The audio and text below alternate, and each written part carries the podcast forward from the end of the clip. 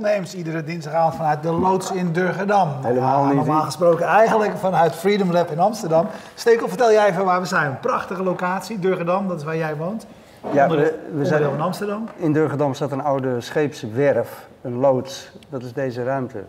En eh, ja, hier is tot twintig jaar geleden werden hier boten gebouwd en onderhouden.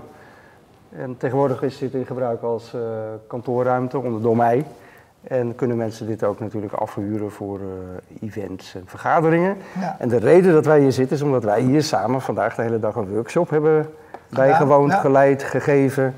En eh, daar hadden we de cameraspullen toch voor nodig. Dus eh vandaar dat we hier zitten. Ja, allemaal sportbonden gesproken. Leuke, mooie dag over innovaties in de sport. Ja. Maar s'avonds op dinsdagavond gaan wij altijd, spreken we weer over allerhande innovaties. Job van der Kieft, jij bent van Scoozy. Wat doen jullie? Wij, eh, wij maken het alternatief voor de scootmobiel. En waarom was er een alternatief nodig? Ja. Eh, ja, twee dingen eigenlijk. Laat ik helemaal van het begin beginnen. In 2005 reed ik de zonnewagen, nummer drie over de finish in Australië. En eh, we werden wereldkampioen. Was jij erbij? Daar was ik bij, daar zat ik in. Ja, dat was echt eh, te gek. En, maar sindsdien ben ik eigenlijk altijd bezig geweest met elektrisch rijden. Eh, verschillende projecten ook gedaan tijdens mijn studie. Ook afgestudeerd op een, eh, een nieuw concept, een soort Segway-achtig voertuig, wat later ook in productie is genomen. En altijd gedacht van, ik ga nog een keer ondernemen met elektrisch rijden, maar ik had nog niet het idee. En ik ben toen bij eh, TNO gaan werken, de kennisinstelling Ja. En eh, gedurende mijn werk daar als MKB-manager voor thema mobiliteit kwam ik erachter dat er één doelgroep is die al 40 jaar elektrisch rijdt. Namelijk mensen die slecht been zijn in een scootmobiel.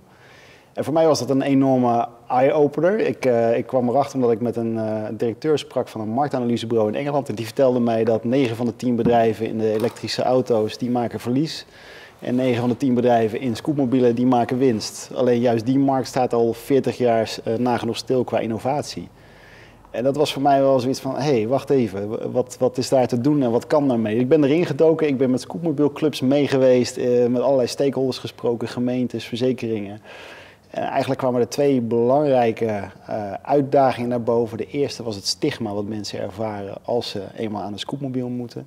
Want ja, veel mensen hebben dan toch het gevoel dat ze als zielig gezien worden, als minderwaardig Invalidewagen. invalidewagen. En nou ja, je stelt het dan ook zo lang mogelijk uit om er maar niet aan te hoeven. En het tweede probleem is dat er ontzettend veel ongelukken gebeuren. Ja, die dingen vallen om. Ze vallen om, eh, maar een van de meest zijn heel dingen... instabiel op stoeprandjes, toch? Mijn, mijn... Ja, klopt. Dus dat is een van de problemen. Je ziet dat ze eh, veel, vooral driewielers natuurlijk, hè, die, Ja. eh, die vallen makkelijk om. Maar ja, mensen willen wel graag een driewieler, want dan heb je een korte draaicirkel. Maar een van de andere meest bizarre dingen die ik zag was, je hebt altijd geleerd dat knijpen remmen is op een fiets. Eh, als je Ja. in, de- in de remmen knijpt, nou, dan sta je stil. En bij een scootmobiel is dat dus precies andersom. Dan geef je gas. Wat doe je als je schrikt voor iets wat je op straat tegenkomt? Ja, je knijpt. Weg ben je. Ja. Nou ja, daarnaast zie je ze heel vaak rijden met die gele wegwerkershesjes rond het stoel, omdat ze zo slecht zichtbaar zijn in het verkeer. Eh, ja, en het ontwerp dus inderdaad. Dus nou daarmee aan de slag gegaan. Eh, Echt eh, met al die input die we verzameld hebben bij, bij, van, ook van gebruikers.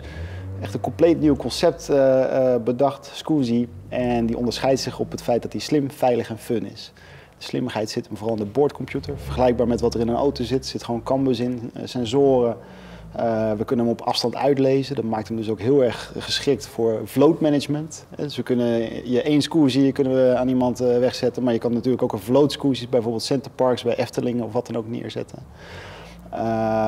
Je kan precies zien hoe ver je nog kunt rijden. Dus ik sprak een meneer en die is net zo lang rondjes gaan rijden rond zijn verzorgingstehuis met zijn scootmobiel, omdat hij gewoon niet wist hoe ver hij kon komen. Totaal gebruikelijk ook. Hè. Range anxiety is ook iets wat veel voorkomt bij mensen die net een elektrische auto aanschaffen. Dus je wil gewoon weten hoe ver je nog kan rijden. Nou, Ja. dat zit erin. Hey, maar even, even eh, je, je zegt een paar dingen. Ja. Ehm, ook, eh, dan noem je de Efteling of een bungalowpark. Blijven jullie wel, eh, want daarna heb je het weer over een bejaardenhuis, blijven jullie nou wel richten op die oudere doelgroep van minder valide? Of is dat fun element, denk je daarmee ook je van, zegt daar- weet je, middelbare scholieren zouden dit ding ook leuk moeten vinden? Ja, dus je zegt al iets heel interessants. Oudere doelgroep die minder valide is. Wij richten ons eh, eh, niet op een leeftijd, maar op een mindset. Want mensen die slechte been zijn, zijn van alle leeftijden. Dat begint al als je net geboren bent, dan kruip je, je bent slechte been, tot aan dat je een keer je enkel breekt met Maar, voetballen. maar het blijven wel eh, minder valide. ja, dus daar richten we ons in eerste instantie Oké, nee, want ik had het er net voor de uitzending over. Wat mij bijvoorbeeld de laatste tijd opvalt in Amsterdam. Dat ik zie steeds meer middelbare scholieren in kanta's rijden. Ja, ja. Dat ding is ontzettend hip aan het worden. En je kan er dus ook veel meer mee. En dat is ook de platformgedachte die erin zit. Eh, eh, we hebben de software en hardware zo opgebouwd dat we er allerlei applicaties, allerlei toepassingen mee op kunnen. Dus we beginnen met die mensen die slechte been zijn, omdat we daar het grootste probleem oplossen en mensen nu al meteen geld ervoor over hebben. Ja, en is het, Maar- ook, is het gewoon een vervanging van de huidige... Precies. eh, Maar eh, met de vierwielaandrijving met je golftas achterop kun je ermee de baan in. We hebben de eerste al. Ja, ja, ja, zeker. We hebben de eerste al verkocht, zelfs ook aan een eh, grote logistieke partij. Die wilde pakketten mee gaan bezorgen in binnensteden. Want dit is het voertuig wat overal mag parkeren en tot voorbij de drempel Kan kan je een aanhangwagen achterhangen? Kan ook, tuurlijk kan dat. Ja. We denken aan vliegvelden, we denken dus aan allerlei andere applicaties naast die startapplicatie waarmee we beginnen als vervanging voor En Scoot. zullen we anders, voordat we verder praten, even naar het filmpje kijken eh, wat, wat klaar staat? Hebben mensen meteen een klein beetje een, eh, een idee over waar we het eh, hebben. Wij zien eventjes niet die eh, camera, Martinez, of die, dat beeld. Als je dat kan doen, helpt het.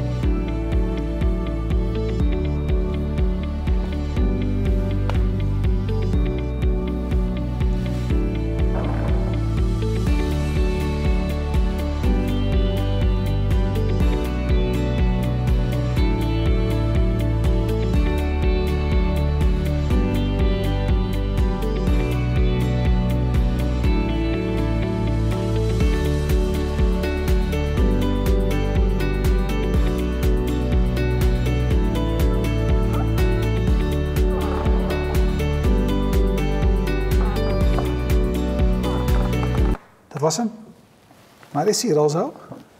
Dit is het eerste prototype wat we gemaakt hebben. Dus wij hebben eh, eh, dat de afgelopen jaren hebben we dat gemaakt. En daarmee is het ons gelukt om, voordat we hem überhaupt hebben, de eerste serie van 20 stuks te kunnen voorverkopen. Eigenlijk net als Tesla dat doet. Mensen hebben 1000 euro aanbetaald om er één als eerste te hebben. En daarmee hebben we vervolgfinanciering opgehaald. En dit jaar, eh, als het goed is, eind september, leveren we die eerste serie van 20 stuks. En we krijgen nu al de pre-orders binnen voor de tweede serie van 2019. Ja.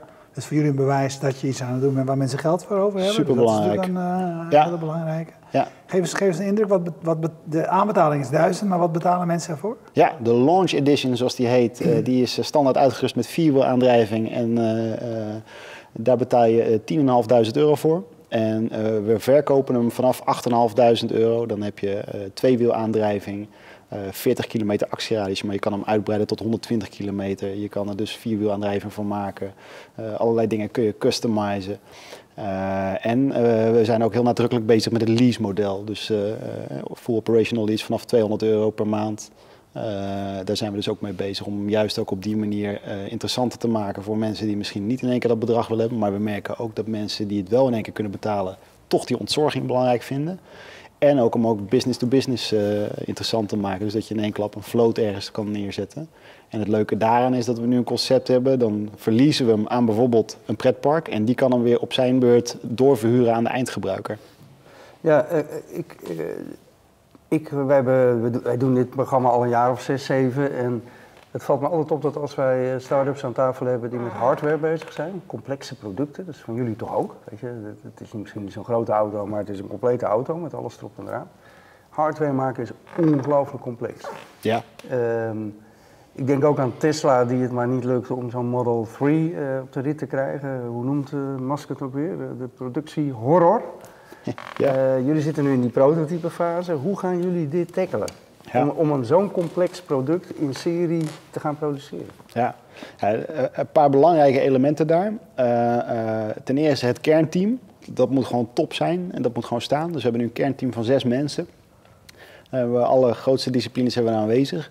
Eh, het tweede element is vooral niet alles zelf doen. Dus wij moeten heel goed snappen wat erin moet en hoe het moet werken en wat we daar willen. En daarop heel gericht zoeken we dan dus partners uit die ons meehelpen om het verder uit te werken. Ja, leveranciers voor onderdelen. Ja, dus, eh, dus denk aan de elektronica en de motoren. Daar werken we heel intensief samen met een ander bedrijf. We hebben een, een productiepartner. We gaan in Emmen gaan we hem produceren. Dus dat vind ik ook wel gaaf, dat we hem echt in Nederland gaan produceren. Eh, eh, het design, hè, dus we hebben zelf de vormgeving, maar we hebben dan weer hele knappe koppen die dat dan ook precies in het CAD, eh, in een computersoftware kunnen krijgen, dat het er allemaal goed uitziet. Dat is eigenlijk ook wat je hier op tafel ziet. Een schaalmodel 1 op 5. De onderkant zie je daar alleen, hè, dus hier moet je nog de stoel op bedenken. Maar we hebben dit uit laten printen om gewoon nu al te zien hoe die kappen eruit gaan zien. Want we gaan straks grote uitgaves doen voor die matrijzen. En dan wil je al wel een beetje wat in je handen hebben hoe dat eruit ziet. Nou, daar werken we dus allemaal mee samen met specialisten. Dus we hebben daar eigenlijk eh, voor een start-up denk ik al best wel een vroege fase die keuze gedaan om echt met gewoon gerenommeerde partijen samen te werken. Ja, en, en dus eh, is dat volgens jou ook de verklaring waarom bijvoorbeeld, ik noemde net het voorbeeld van Tesla en die Model eh, 3, dat te veel zelf willen doen, is dat een risico bij dit soort projecten? Ik, eh, ik wil mezelf nu niet gelijk eh, op de Nee, gelijke maar- voet met Tesla zetten. ik denk dat niet, wij, maar- wij hebben wel, eh, wa- wat wel heel belangrijk is bij ons in elk geval, is om heel snel van de computer naar de praktijk te gaan. En niet te wachten met alles in theorie bedenken en het dan op de weg zetten en dan erachter komen. We, hebben, we werken met heel veel tussentijdse prototypes. We hebben bijvoorbeeld net als IKEA, weet je, die hebben, hebben van die opstellingen waar zo'n laadje 10.000 keer op en neer gaat. Nou, dat hebben wij bij ons aan de muur hangen met het stuursysteem. En dan zie je precies waar die verkeerd, eh, waar het fout gaat, waar die afbreekt. Dus heel snel dat soort dingen doen. Eh, ook gewoon snel eh, spullen bestellen. Dus niet alleen in de catalogus kijken hoe het eruit ziet, maar het gewoon in je handen hebben en voelen dat het werkt en het goed kunnen aansluiten en weten dat de juiste connectoren op zitten. Allemaal dat soort dingen waarvan je denkt van ja, hoe belangrijk is dat? Super belangrijk. en we hebben nu net de design freeze, zoals dat heet, eh, gehad. Dus daarmee ligt het hele model ligt vast. En nu zijn we dus de verschillende frames zijn we gewoon net zo lang aan het testen tot dat stuk gaat. Om onze theorie te checken. Klopt het wat we bedacht hebben? Dat het Ja. ook in de praktijk Nee, maar goed, de, de, de- nou, het ontwerp is één ding, het produceren is een ander ding. Ja, Maar straks komen jullie in die fase, dan krijg je de gebruikers. ja. En dan Ja. gaat er toch keer iets fout, of zij hebben een fout. Dat hoeft Ja. niet aan jullie ding te liggen. Dan moet je zeg maar weer de, de service eh, gaan verlenen, reparaties gaan doen, et cetera. Ben je daar nu al op ingericht of is dat, is dat bij iets waar je straks op gaat Daar inzetten? zijn we heel hard mee bezig. Eh, eh, de- we hebben daar een aantal keuzes gemaakt. We merken nu al voldoende animo zeg maar, van mensen die eigenlijk ook bij die eerste serie zouden willen. Maar we hebben daar echt een rem op gezet. Maximaal 20 voertuigen als eerste de weg op. We hebben ons eigen busje straks volledig ingericht met spullen. Om die 20 eh, voertuigen die als eerste de weg op gaan. Die klanten nemen ook helemaal mee in het proces. Dus die weten precies wat er gebeurt. En, en die willen ook betrokken zijn als, als eh, eh, first mover, zeg maar. Hè, om, om helemaal in het verhaal ook mee te gaan. Ja. En die snappen ook dat het een product is wat nog niet helemaal uitontwikkeld is. En die eerste serie gaat dus ook echt op de weg om zo snel mogelijk die kinderziektes eruit te halen. Van daaruit echt een gelimiteerde tweede serie van 100 stuks. Alleen in Nederland. En ook daar weer zorgen dat we hem echt verder uitontwikkeld hebben. En dan pas gaan we kijken van oké, opschalen van productie over de grens in Europa. Eh, maar op die manier proberen we dus zo snel mogelijk de praktijk eh, binnen te halen. En wat ons ook natuurlijk enorm helpt, is dat we hem op afstand kunnen uitlezen. Dus we zien ook heel veel wat er gebeurt, hoe die gebruikt wordt. Maar aan de andere kant weten we ook de praktijk, hoe mensen iets gebruiken. Ja, je hebt het zelf bedacht. Het denkt. is altijd anders dan. eh, ja, daar kun je van alles op loslaten. Maar dat is. eh, Ja. ja. Wat ik nog wel interessant vond, we hadden het even over de doelgroep. Eh, eh, je richt je toch op wat, wat minder valide mensen. Maar toen ik zei, ja, je gebruikt ook het woord fun, weet je. En dat, dat viel me- Absoluut. Ik, ik zei, het valt me op dat er heel veel scholieren tegenwoordig in Kanta's rijden in Amsterdam. Ja.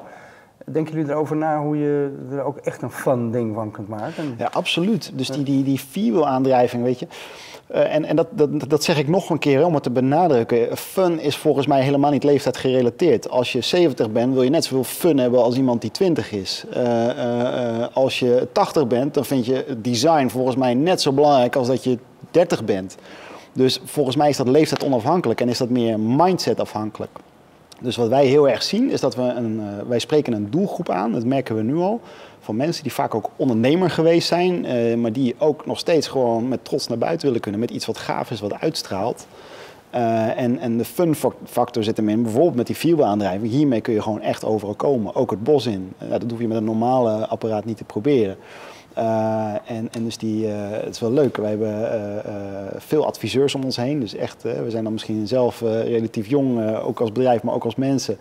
Maar we hebben heel veel ervaring om ons heen van mensen uit het bedrijfsleven. En daarvan ook die heel veel focusgroepen heeft gedaan. En twee hele gave dingen die daar voor mij uitkwamen uit die focusgroepen vanuit heel Europa. Voor Philips was dat. Eh, eh, de eerste was, ouderen willen iets wat iedereen heeft, wat iedereen leuk vindt en niet iets wat specifiek voor hun ontworpen is, want dan wordt het een oudere ding. En de tweede is, eh, mensen willen niet een paracetamol voor de pijn, dus ze willen niet alleen maar een probleem oplossen. Nee, ze willen bij wijze van spreken Viagra, ze willen wat extra's kunnen. Dus alleen maar een boodschappenkarretje afleveren die volgens de gemeente tot alleen maar de supermarkt moet kunnen, dat is mooi, maar dat is heel functioneel. Maar dat is niet iets extra's kunnen, iets wat andere mensen ook heel gaaf vinden. En dat is heel erg wat wij nastreven, waar het, waar het hem in moet zitten. Dus hij moet absoluut ontzorgen. Veiligheid is belangrijk. Uh, maar daarnaast moet je ook het idee van wauw, hier ga ik rondscheuren en uh, eh, dit is gaaf en ik ga ermee op uit. En uh, bij wijze van spreken, mijn kleinkind die duwt me eraf, want die wil ook een rondje. Ja, je, noemde, je, je zei ook nog, we gaan er een platform omheen bouwen. Ja. Hoe zie je dat voor je? Want... Ja, dus, dus eigenlijk twee dingen. Uh, Scusi positioneren we als een vervoermiddel en niet als een hulpmiddel. Dus dat is wel een heel belangrijk gegeven. En dat is niet alleen voor de branding belangrijk, maar ook voor de business belangrijk. Want als we er veel meer mee kunnen dan alleen maar dat hulpmiddelsegment, ja, dan is het qua business natuurlijk ook veel interessanter en veel schaalbaarder. Uh, maar dat betekent wel dat je op voorhand voorbereid moet zijn op al die toekomstige toepassingen die er gaan komen. Bijvoorbeeld float management. Ja, dat moet je wel meteen vanaf het begin meenemen. Dus uh, qua software moet je het zo zien dat we daar een uh, bepaalde basiscomputer in hebben zitten, boordcomputer. Maar die kunnen we uitbreiden, daar kunnen we meer rekencapaciteit aan toevoegen. We kunnen hem zelfs wat dat betreft is die voorbereid op autonoom rijden, want het is elektronisch gestuurd en we kunnen daar steeds meer sensoren bij zetten. Uh, maar daarmee wordt hij bijvoorbeeld ook uitleesbaar voor een logistieke softwareplatform, uh, waarmee je hem dan weer dus op die manier kan inzetten. Ja, qua hardware uh, kun je je straks voorstellen dat, stel je haalt de hele bovenkant eraf en je rijdt een skateboard waar je van alles andere, alle, allerlei andere toepassingen op kunt zetten, dan heb je straks misschien wel een autonome bezorgingsvoertuig. Dat is allemaal langer termijn, ver ja, weg. Maar daar hebben jullie wel allemaal over Maar dat zit er allemaal nu al in, Ja. absoluut. Ja, Ja, ja. gaaf. ja. Hey, je, wat kost een, een normale scootmobiel? Als je ze allemaal bij elkaar veegt, dan zit je denk ik gemiddeld zo rond de 2.000, 3.000 euro. Als je kijkt naar het topsegment scootmobiel, dan eh, begint dat bij 5.000 euro en loopt dat op tot 9, 10, 11.000 euro. Ja. Wij hebben ons wel bewust aan de Aan de bovenkant, bovenkant neergezet. eh, gepositioneerd. Ja. En jij, je gaf net al een beetje aan hoor, maar wat is, wat, wat is dus de reden van jullie eerste klanten om, om jullie te verkiezen boven wat ze al hebben?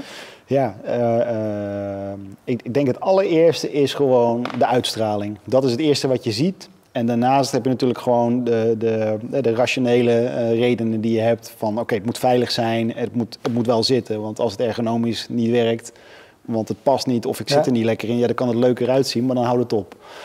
Dus, eh, dus vier onafhankelijk geveerde wielen, zeg maar, dat is in die markt, dat komt eigenlijk niet voor, dat zit hierin. Dan hebben we die draaicirkel bijvoorbeeld. Iedereen wil wendbaar zijn, maar je wil eigenlijk ook de stabiliteit van een vierwieler en de draaicirkel van een driewieler. Dus wij hebben vier sturende wielen hierin zitten. Dan combineer je die beide. Eh, eh, die vierwielaandrijving maakt het natuurlijk ook weer apart. Hè? Dus je, kan, je hebt verschillende segmenten in scootmobielen. Je hebt de, de A-klasse eigenlijk, dat is de opvouwbare voor in de achterbak. Dan de driewieler voor meer binnengebruik, eh, de vierwieler voor meer buitengebruik. En dan de extreme outdoor, die kosten richting de 20.000 euro. Nou, wij combineren eigenlijk die laatste drie segmenten in één voertuig. We hebben de draai- cirkel van een driewieler, stabiliteit vierwieler en we kunnen outdoor. Ja. Dus je kan met jullie, ook, eh, jullie wagen ook het strand op. Uh, we hebben dat nog niet getest, want mulzand is natuurlijk wel echt uh, niet alleen voor de grip, maar ook het gaat in alles zitten. Dus dat gaan we zeker nog testen. Ja. Uh, maar een bos kan, in in ieder geval. Een bos in ieder geval, absoluut. Ja. Hey, dit, dit zijn geen eh, eh, goedkope eh, ontwikkeltrajecten. Hoe hebben jullie dit gefinancierd? Ja, uh, dat is natuurlijk een enorme uitdaging voor een start-up. Uh, je begint met een, een gaaf idee en je gaat naar een klant en je zegt, zou je dit willen kopen? die zegt van nou kom maar terug als je het product hebt. Dan ga je vervolgens op zoek naar een investeerder die zegt van nou kom maar terug als je het product en een prototype hebt. En zo ben je mooi in een cirkeltje aan het ronddraaien. Dus het is uh, uh, ons op een gegeven moment gelukt om uh, van een paar grote partijen dusdanige toezeggingen te krijgen dat, het, dat we daarmee een intentieverklaring konden krijgen van twee investeerders. En met die intentieverklaring konden wij vervolgens een lening krijgen, een vroege fasefinanciering van RVO van 3,5 ton. Dat was in 2016. En met die 3,5 ton hebben we het eerste prototype gebouwd en ook het eerste stukje marketing opgezet en daarmee dus die eerste serie verkocht. En met die tractie is het gelukt om bij 10 formal investors eh 8,5 ton eh, op te halen. Waarmee we nu eh, dus de eerste serie daadwerkelijk ontwikkelen. En we zijn nu eigenlijk alweer bezig ook om een volgende ronde voor te bereiden van, van investering. Jij, dit had jij, hè? je zegt, ik werkte destijds, ik neem aan dat je er nu niet meer werkt bij TNO. Klopt. Ja. Ja. ik heb bij TNO gewerkt en daarna ook de overstap. Toen ik het idee kreeg, toen heb ik de overstap gemaakt naar TNO bedrijven, de commerciële tak van TNO. En daar was mijn rol om parttime bedrijven op te zetten vanuit TNO bij IS Delft. Nou, hoe beter kun je je springplan krijgen? Ja. Dat was echt perfect. En dat was ook heel bewust vanuit TNO ook, want ze wilden ondernemerschap stimuleren bij TNO. Nou ja, hoe werkt dat beter als je iemand daar neerzet die dat ook zelf echt wil doen? Eh, en dat was voor mij eigenlijk de perfecte springplank. eh, Ja, maar jij bent dus ook eh, allerlei dingen aan het leren die je hiervoor ook niet gedaan hebt. Absoluut. Oh ja, ja, ja. Geld ophalen, et cetera. Het is een hele steile leercurve op Ja. alle vlakken. Ja, en, en het, tempo is enorm hoog. En er komen allemaal dingen op je pad waar je van tevoren geen rekening mee gehouden hebt. Maar ook je, jezelf in een nieuwe rol. Als, je hebt ineens werknemers. Hoe, hoe werkt dat? Hoe, wat verwachten ze van mij? Wat moet ik van hun verwachten? Hoe gaat dat? Nou ja, investeerders. Hoe, eh, hoe hou je die verwachtingen allemaal goed? Ja. Eh, dingen als eh, patent aanvragen, moet ik dat doen en wat is dan slim en, en hoe betaal je dat dan weer? Tot aan gewoon hardcore boekhouden en cashflow prognoses maken en Excel. Ja, dat was ook niet mijn, mijn ding waar ik altijd mee bezig Nee. geweest ben. Maar wel enorm belangrijk allemaal. Vertel eens wat over, die paten over patenten, want dat is inderdaad eigenlijk een onderwerp dat wij niet zo vaak bespreken hier. Ehm, nou ja, vert- vertel, vertel daar eens wat, wat over. Welke afwegingen hebben jullie gemaakt Ja. en, eh, en, en waarom? Een aantal dingen zitten daarbij. Enerzijds heeft het een hele sterke ehm, symbolische waarde, zou ik bijna zeggen, richting ook investeerders. Dus als je een patent hebt, nou, dan, dan, oh, dan, dan zit je al hier. Dus dat is eh, voor veel eh, investeerders, zeker VC, is dat toch een soort check, in the box. Ja? Ja. Ehm, daarnaast, ja, patenten kosten gruwelijk veel geld. En eh, we- weet je, een patentaanvraag is zo ingediend en, en die eerste paar jaar dan ben je rond de 5000 euro kwijt en daarna dan gaat die echt tikken. Waarom? Eh, omdat je dan op een gegeven moment overal in het begin zit je in een eh, aanvraagfase, dus een soort haalbaarheidsonderzoek. Dan, we hebben hem eerst echt gericht op, op Nederland. Nou, als daar dan positief advies uitkomt, dan heb je groen licht voor Europa. Maar als je daar dan gaat aanvragen, dan tik je weer af per land. Of je moet in één keer heel Europa doen. Dus dat kost wel geld. Wij hebben hem nu nog in een eh, verlengtraject eh, eh, gedaan. Dus we hebben nu van, die, van de Europese aanvraag naar een internationale aanvraag. Dat is dan weer relatief iets goedkoper. Dus we rekken het even voor een paar duizend euro, rekken we onze tijd dat we daar als eerste aanspraak op kunnen maken. En we hebben dan tegelijkertijd ook het haalbaarheidsonderzoek. En dan over anderhalf jaar tijd dan moet je dan een strategische beslissing gaan maken van oké, in welke landen ga ik dat dan doen. Maar dan moet je het wel heel zeker weten en dan moet je ook echt toegevoegde waarde hebben van je patent. En welke onderdelen zijn bij jullie eh, patentwaardig? Wat wij, eh, nou ja, wat patentwaardig is, dat ga ik natuurlijk niet vertellen, want dan is het in één klap weg. eh, Ja. maar wat we gepatenteerd hebben, is wij hebben in plaats van de hele visie achter het ontwerp, daar begint het mee, is dat we geen stuurkolom hebben. Want wij willen maximaal open, niks tussen jou en de buitenwereld, open voor avontuur en interactie. En niet, oh jee, daar komt hij aan, zo die achter zijn mandje zit hem aan gaat rijden. Dus dat is super belangrijk. Eh, dan mis je een, eh, eh, een steunpunt daar voor mensen die slechter te been zijn. Die hebben dat nodig als steunpunt, een stuurwiel. Dus daarom hebben wij in plaats van de armleuningen, zijn dat bij ons deurtjes, die klappen open. Dan heb je daarmee extra ondersteuning. Maar wij hebben natuurlijk extra grote wielen, waardoor je relatief kleinere instapruimte hebt. Dus wat we gedaan hebben is op het moment dat het deurtje open gaat, dan openen die wielen automatisch mee, waardoor je meer instapruimte hebt en je dus makkelijker erin kan. Eh, de kracht van dit patent is dat, je, eh, eh, dat het zichtbaar is. Dus iedereen kan straks zien, oh dat is een echte Scusi, want automatisch openen de deuren met de wielen. Ja? Ehm, en omdat je, als je dat niet doet, ja, dan heb je gewoon een heel groot nadeel zeg maar, met die instapruimte. Dus dan, ja, en dan gaat je hele concept gaat eigenlijk overhoop als je dat niet doet. Dus daarom hebben we ervoor gekozen om die wel te beschermen. Eh, en ja, we hebben nu gewoon op die manier een, een voorsprong ingebouwd. En over anderhalf jaar dan, eh, dan gaan we kijken hoe we, dat, eh, hoe we dat verder gaan uitwerken. Ja. Maar het is best wel wat uitzoekwerk en eh, eh, een, beetje, een beetje basis eh, moet je natuurlijk al beginnen. Want een, een andere belangrijke vraag naast zelf een patent te vragen is, maak ik geen inbreuk op andermans patent? Ja, ja. Want dan ben je echt goed te klos als dat gebeurt. Eh, Maar nee, dus als je dat wil uitzoeken, dat kost ook geld. Dat, ga je, ja, je kan het, je, je moet er, op zich zijn er wel wat, wat cursussen voor, dus daar moet je even goed naar zoeken. Eh, eh, maar dan, dan krijg je een beetje beginnerscursus van oké, hoe, hoe moet ik zoeken in die Espasnet database naar patenten. Dus dat, dat hebben we in het beginsel hebben we dat wel zelf gedaan, om een beetje te kijken van oké, sowieso goed om te weten wat er speelt in die markt. Maar vooral ook belangrijk als je met hele specifieke onderdelen bezig bent, bijvoorbeeld de motor die we opnieuw samenstellen. Hey, je wil niet dat je daar inbreuk maakt op andermans patent, want dan laten ze je rustig eh, lekker vijf jaar lang eh, eh, lekker doorwerken en buffelen en dan, dan komen ze met de rekening. ja. Ja. Hey, ik heb eigenlijk nog maar één vraag. Ik, ik, ik kan me voorstellen dat het een fantastisch project is en een fantastisch avontuur. En voor jullie als student uit Delft en met jouw geschiedenis en met de Solar Challenges. En dat het fantastisch is om, om zo'n ding te bouwen. Maar waarom in godsnaam ga je nou een scootmobiel bouwen en niet een hoverboard of een, weet je wel, gewoon iets wat helemaal veel meer hipper, ehm Ik denk dat het een- grenzen verleggen. Ja, ik denk dat het hem, voor mij persoonlijk zit het hem in de uitdaging, de stretch. Eh, als het mij lukt om deze branche, om dat helemaal naar hier te helpen, dat, dat is zoveel gaver verhaal dan weer de zoveelste e-bike, de zoveelste elektrische scooter. Dan, en dat vind ik het gave eraan. Je pakt een markt vergelijkbaar met, met de e-bike zoals die eh, vijf of tien jaar geleden was. Totaal stoffig. En daar hebben ze nu iets seksies van gemaakt met 70 km per uur en iedereen wil hem hebben. Ja, dat is voor mij, eh, zou dat een persoonlijke uitdaging zijn. Dat als je dit pro- product pakt, wat nu totaal niet sexy is. En totaal ook echt mensen, waar mensen ook echt weerzin tegen kunnen hebben. Dat we daar zoiets gaafs van kunnen maken. Dat we daar straks niet alleen mensen die minder valide zijn. Maar dat we daar zelfs een carsharing concept voor kunnen maken voor binnensteden die autovrij zijn. En dat dit het alternatief voor de auto wordt in binnensteden. Over hoe lang moeten we je uitnodigen om dit te kunnen valideren? Mijn, eh, mijn ambitie is om binnen nu en vijf jaar de 10.000 op de weg te hebben. Dan noteren we het voor over vijf jaar. Ja, het is wel laat, vind je niet? Ja, we kunnen al wel een tussenstandje. Ja, ja, ja, tussenstand. dat vind ik wel heel, dat vind ik wel heel lang. Een jaar of twee. Ja? Ja, nee, ik vind het ja, sowieso heel leuk om te horen. Ik vind het een mooi, mooi verhaal. En Nou, is, ik hè, vind het vooral heel erg gaaf dat jullie inderdaad, eh, eh, zonder dat je daar je ontwerp nu door laat leiden en je blijft focussen op de duidelijke eerste doelgroep, dat je wel al zo ver hebt doorgedacht over eh, wat de toekomst zou kunnen brengen en daar gewoon ook rekening mee hebt gehouden je design. Dat vind ik echt heel gaaf. Ja.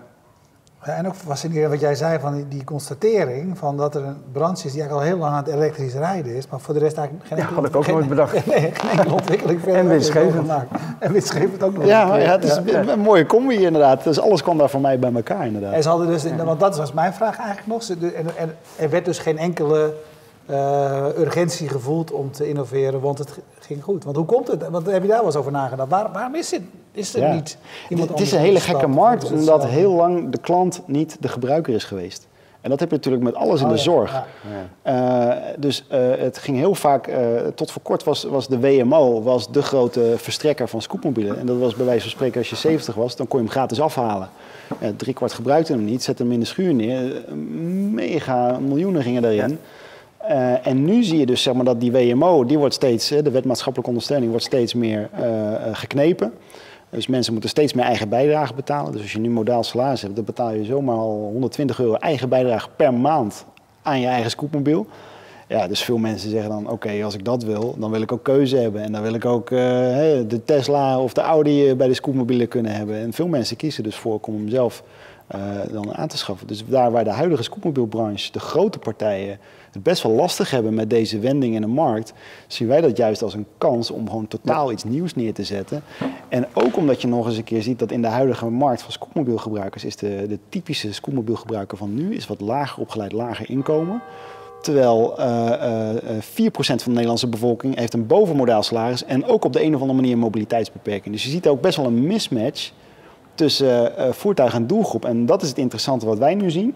60% van onze huidige klanten zijn mensen die rijden een duurdere scootmobiel.